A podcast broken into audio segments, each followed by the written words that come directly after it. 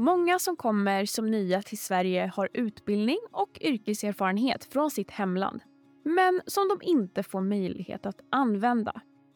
Och Det här är ju ett stort slöseri med kompetens och möjligheter till arbete. Men det finns en lösning på det här och det heter validering. Ett sätt att få intyg och papper på sina kunskaper och på så sätt kunna söka jobb i Sverige.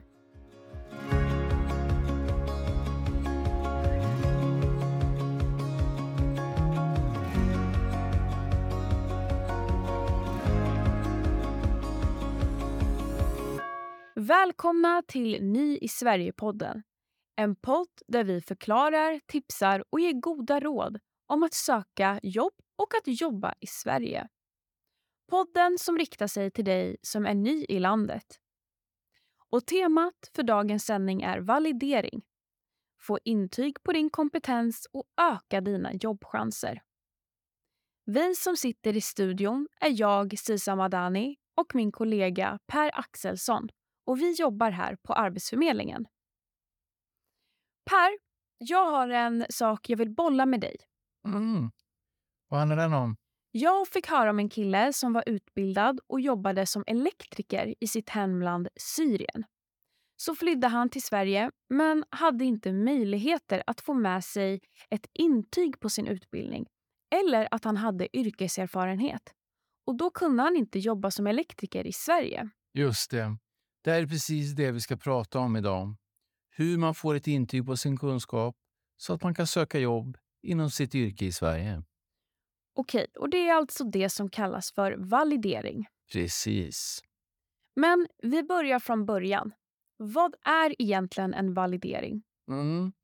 Enkelt förklarat så handlar det om att du får bevis på din kunskap. Och hur går det till? Jo, det går till så att en yrkesbedömare ser över dina yrkeskunskaper genom teoretiska och praktiska prov. Sedan kan du få ett intyg på dina kunskaper. Både de som du fått när du studerat och som du fått när du jobbat. Så en validering innebär att du får intyg på alla dina kompetenser och som du sen kan använda för att söka ett jobb eller en ny utbildning. Precis. Det spelar egentligen ingen roll hur du fått den kunskap du har. Det viktiga är att den kan visas.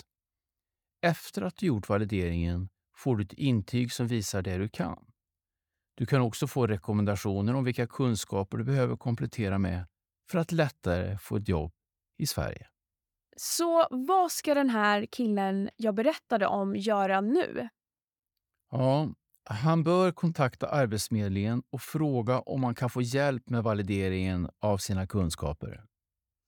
Okej, och hur länge tar en validering? Ja, den brukar ta två till tre dagar. Längden kan bero på ditt yrke och det kan förekomma både teoretiska och praktiska prov. Upplägget kan se olika ut. Okej, men det är bra att veta. Och var någonstans kan man göra en validering? Man kan göra en validering på olika platser runt om i Sverige. Okej. Finns det fler bra saker med en validering? Verkligen. En validering kan öppna många möjligheter. Den kan hjälpa dig som inte har det betyg eller intyg som behövs för att kunna söka en utbildning eller komma vidare i arbetslivet. Jättebra. Och vilka kan få hjälp med en validering? Mm. Det är du som är arbetslös eller riskerar att bli arbetslös och är arbetssökande. Arbetsförmedlingen kan hjälpa dig med validering från den dag du fyller 25 år. Det finns även undantag för kravet på 25-årsåldern. Det kan du läsa mer om på vår webbplats. Och vilka yrken gäller det? Idag finns det 44 olika yrken där du kan göra en validering. Från bilskadereparatör, elektriker, målare, kock och många, många fler. Du hittar yrkena på Arbetsförmedlingens webbplats arbetsförmedlingen.se. Och vad ska jag börja med om jag är intresserad? Lättast är om du kollar på Arbetsförmedlingens webbplats arbetsförmedlingen.se. Sök validering och så ser du vilka valideringar som finns hos oss samt på vilka orter. Jättebra information. Och tiden börjar tyvärr ta slut och vi måste tänka på att börja avrunda. Men om vi skulle skicka med några tips till våra lyssnare, vad skulle det vara? Ja, jag skulle vilja skicka med fyra saker. 1.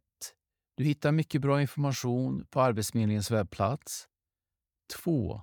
Kontakta Arbetsförmedlingen och berätta att du är intresserad av en validering. 3. Du kan även besöka ett av statens servicecenter och be om information om valideringen. Och 4. Om du till exempel har en avslutad utbildning från ett annat land än Sverige och har dina betyg med dig, då är det Universitet och högskolerådet, UHR, du ska vända dig till.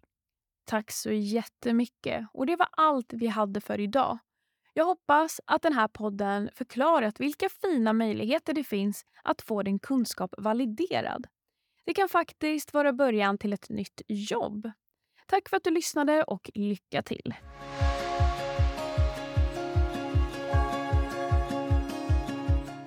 Du har lyssnat på Arbetsförmedlingens podcast Ny i Sverige. Du hittar alla tidigare avsnitt på Arbetsförmedlingens Play-sida. Har du frågor, tips eller funderingar? Mejla oss gärna på podcast arbetsförmedlingen.se. Det här avsnittet producerades våren 2023